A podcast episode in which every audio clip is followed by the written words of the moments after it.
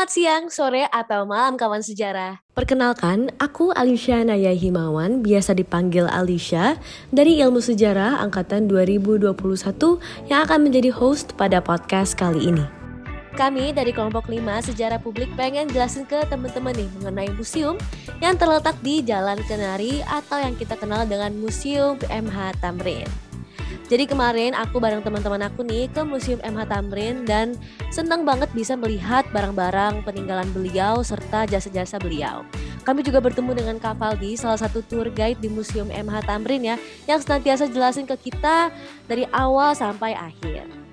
Nah, ada juga fasilitas audio visual yang bisa nanti kawan sejarah gunakan untuk um, nonton apa aja sih yang ada di Museum MH Tamrin.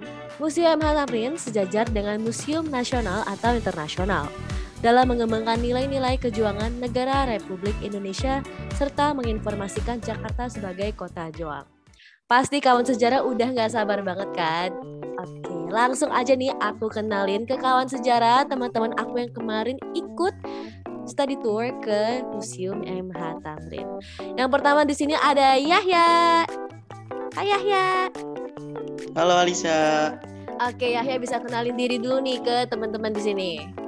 Oke Alisa, perkenalkan aku Ahmad Yahya dari jurusan Ilmu Sejarah angkatan 2021 dari Universitas Indonesia.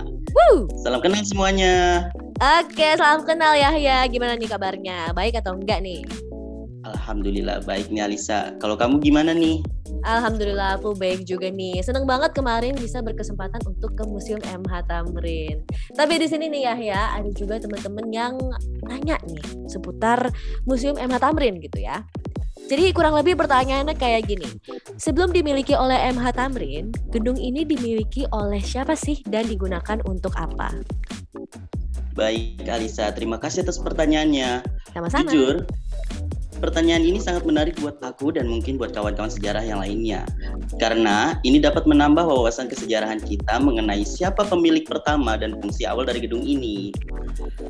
Jadi, aku ingin menjawab nih pertanyaan kamu uh, awalnya gedung ini dibangun sejak abad ke-19 oleh seseorang yang berkebangsaan Belanda yaitu bernama Menir de Haas. Gedung ini difungsikan pada awalnya itu sebagai tempat pemotongan hewan dan juga penampungan buah-buahan yang berasal dari Australia. Kemudian buah-buahannya itu akan didistribusikan ke instansi-instansi Belanda yang berada di Batavia saat itu. Kemudian gedung ini pun dibeli oleh Muhammad Musti Tamrin pada tanggal 12 Maret 1927. Begitu Alisa. Oke, luar biasa banget ya Yahya. Jadi gedung ini ternyata dari dulu bukan museum ya? Betul Alisa. Wah, jadi dulu tuh tempat untuk uh, menaruh menyimpan buah-buahan dan juga menyembeli hewan-hewan dari Australia. Wow, luar biasa banget ya jasa um, Menir Dehas ini yang sampai akhirnya gedung ini digunakan untuk Museum MH Tamrin. Nah, selebihnya di sini sebelumnya terima kasih banget ya ya. Nah, sehabis ini kita juga bakal dengerin audio dari Kak Faldi. Mungkin di sini kita bisa mendengarkan apa aja sih peran yang dimiliki gedung ini setelah dibeli oleh MH Tamrin. Oke, okay, check this out.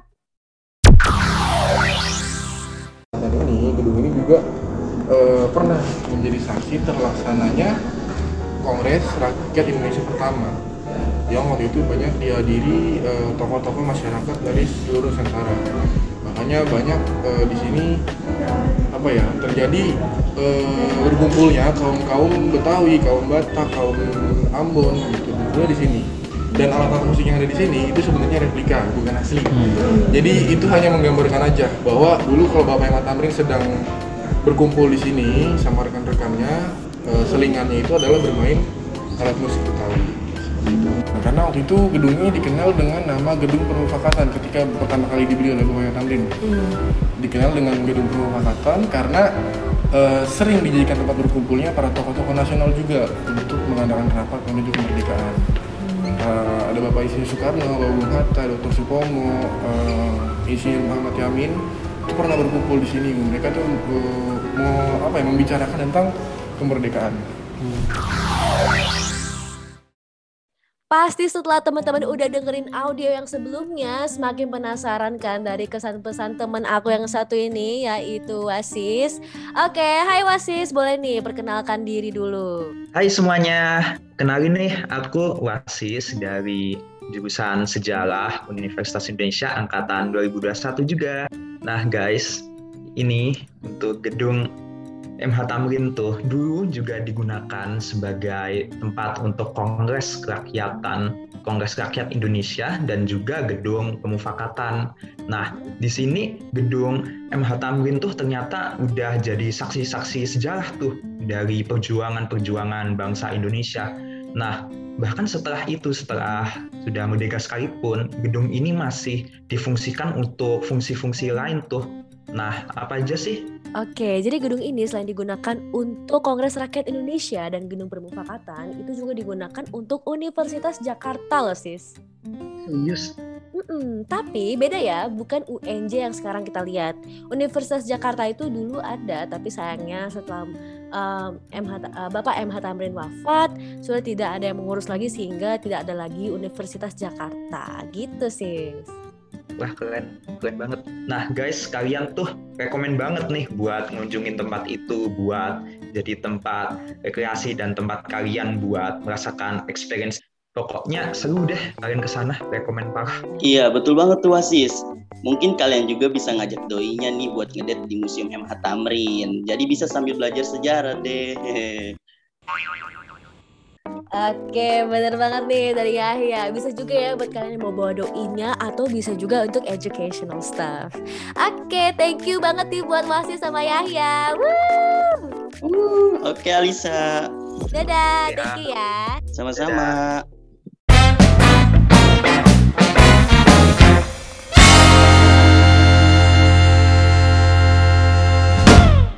Oke, tadi kawan sejarah udah dengerin Yahya dan Wasis yang kurang lebih menjelaskan kesan pesan dan juga um, jasa dari Museum MH Tamrin sekarang.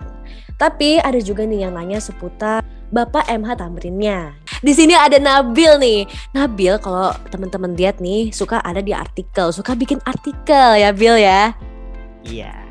Nah. Boleh nih Nabil perkenalkan diri dulu nih ke teman-teman. Halo semuanya, perkenalkan nama aku Nabil. Aku dari jurusan Ilmu Sejarah Angkatan 21 dari Universitas Indonesia. Wuh, oke salam kenal Nabil. Ah, Iya, Oke Nabil, jadi kita mulai mengerucut ke Bapak MH Tamrinnya sendiri ya. iya. Kira-kira apa sih jasa beliau, eh, maaf, apa jasa yang beliau lakukan untuk Indonesia? Oke. Jadi bisa dibilang jasa MH Tamrin untuk Indonesia itu cukup menarik ya. Beliau ini berjuang dengan melalui jalur yang kooperatif gitu, yaitu bekerja sama dengan pemerintah Hindia Belanda dengan masuk ke dalam Volkskrad pada tanggal 16 Mei 1927.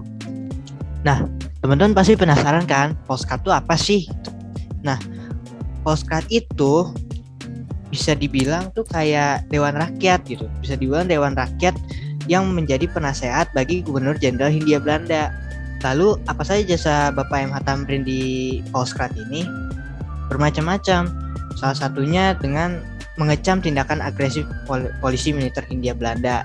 Lalu ada juga eh, kebijakan yang mendukung petisi Sutarjo yang menyerukan Indonesia untuk berparlemen. Dan Bapak MH Tamrin juga berjasa dalam bidang pendidikan. Beliau mengecam tindakan pemerintah kolonial yang mempersulit eh, anak-anak pribumi untuk bersekolah dan juga mengusulkan agar mendirikan sekolah di setiap kecamatan dan juga ditambah wajib melakukan sekolah usia 6 sampai 12 tahun. Nah, kira-kira begitu Alicia. Oke, luar biasa banget ya Bil jasa beliau untuk pribumi khususnya. Dan juga beliau ini sebenarnya memiliki sikap yang begitu apa ya, begitu baik gitu ya karena kan uh, terlebih dengan level ekonomi yang luar biasa tapi tetap menghargai teman-teman sekitarnya. Oh, itu bisa banget jadi panutan untuk kita semua ya nggak sih Bill? Iya dong, pastinya. Yes, benar banget nih. Thank you banget Nabil udah mau jelasin secara detail jasa beliau. Semoga jasa beliau akan diingat terus ya ke depannya. Amin. Amin. Oke, sekali lagi thank you Nabil. Selanjutnya di sini kita si- bisa simak lagi audio berikut. Pertanyaannya adalah, kira-kira apa ya panggilan unik beliau serta sikap beliau pada zaman dahulu? Oke, langsung aja kita dengerin audio dari Kak Valdi. Check this out. ada judulnya Bapak Imam Tamrin nih beliau lahir di Sawah Besar pada tanggal 16 Februari 1894 jadi tanggalnya ini sama uh, sama tanggal peresmiannya ya yeah. tanggal peresmian itu ngikutin sama uh, tanggal lahirnya beliau ya beliau lahir di Sawah Besar dan besarnya itu di Batavia besar di Batavia waktu beliau kecil ini beliau tuh dipanggil namanya sama orang-orang sekitar Sawah Besar Mat Seni nama panggilannya. Jadi singkatan singkatan dari Muhammad Husni Tamrin. Karena kebiasaan orang-orang sawah besar itu suka menyingkat-nyingkat nama orang. Gitu. Contohnya seperti saya Vivaldi, namanya Aldi, uh, anak lupa diri. Gitu. nah ini uh, beliau ini punya seorang ayah namanya Tamrin Muhammad Tabri ya. Jadi ayahnya ini seorang uh, pegawai pamong praja Pamong Praja berpangkat Wedana. Hmm. Kalau Wedana itu di zaman sekarang setingkat dengan bupati. Hmm. Oke, jadi tadi kita udah dengerin audio dari Kavaldi, tour guide kita, bahwa Bapak MH Tamrin ini memanglah sosok yang begitu patut kita teladani ya. Tapi di sini aku nggak bakal terlalu ngejelasin secara detail, karena kesan pesan dari audio Kavaldi ini akan lebih dielaborasi oleh teman aku yang satu ini, yaitu Dean. Hai Dean. Halo Alicia. Oke, Dean. Jadi, uh, Dean boleh ya perkenalkan diri dulu nih ke teman-teman di sini. Oke, uh, sebelumnya perkenalkan nama aku Dan Antoni dari jurusan Ilmu Sejarah angkatan 2021 dari Universitas Indonesia. Salam kenal rekan-rekan semuanya. Oke, salam kenal Dean. Terima kasih ya perkenalannya. Nah, di sini kawan-kawan sejarah pada mau nanya nih, kira-kira gimana deh kesan pesan Dean setelah mendengarkan apa ya audio dari Kavaldi? Apalagi kemarin Dean juga ke museum langsung kan ya dengerin Kavaldi secara langsung. Oh iya, uh, kesan yang saya dapatkan dari sosok MH Tamrin ini uh, beliau ini emang orang yang hebat ya mengingat hmm. dia kan dari keluarga dari kelas yang istilahnya dari kelas atas gitu kan tapi dia ini Betul. tidak tidak minder gitu berteman dengan orang-orang yang ada kelasnya di bawah dengan dia kan di mana di situ di di audionya Kavaldi juga dijelaskan bahwa Bapak MH Tamrin ini sejak kecil emang sudah biasa di tengah-tengah masyarakat kelas bawah gitu sehingga si KPI ini kemudian kebawa sampai ke dewasa di mana walaupun dia sudah bekerja di pemerintahan Hindia Belanda pun dia tetap memikirkan eh, bagaimana masyarakatnya itu berkehidupan gitu di sekitar dia. Betul, betul. Eh, adapun kalau misalnya ditanya eh, pesan apa sih yang dapat kita teladani dari eh, sikap Bapak M. Tamrin ini? Saya sih, eh, menurut saya sih, saya sih berpesan semoga uh, sikap dari Bapak Ahmad Tamrin ini dapat dipelajarin gitu, dapat di dapat diteladani untuk generasi-generasi berikutnya mungkin ya. Dan kita sebagai mahasiswa sebagai garda terdepan untuk meneruskan kehidupan berbangsa, kita bisa nih untuk mempelajari gitu maksudnya sikapnya di mana dia selalu memikir, memikirkan rakyatnya, uh, di mana tiap mengambil kebijakan selalu uh, memantau gimana keadaan masyarakatnya juga mungkin itu ya Alicia. Woo, oke okay, bener banget ya di sini kawan sejarah. Sebelumnya thank you banget Dean udah ngelaborasin secara detail ya.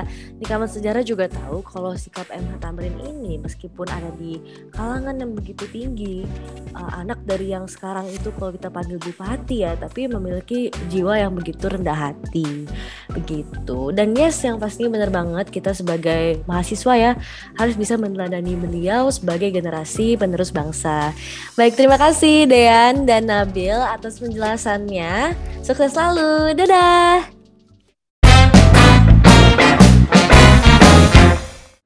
Well, that's it. Thank you so much for tuning in. Semoga bermanfaat bagi kawan sejarah di luar sana.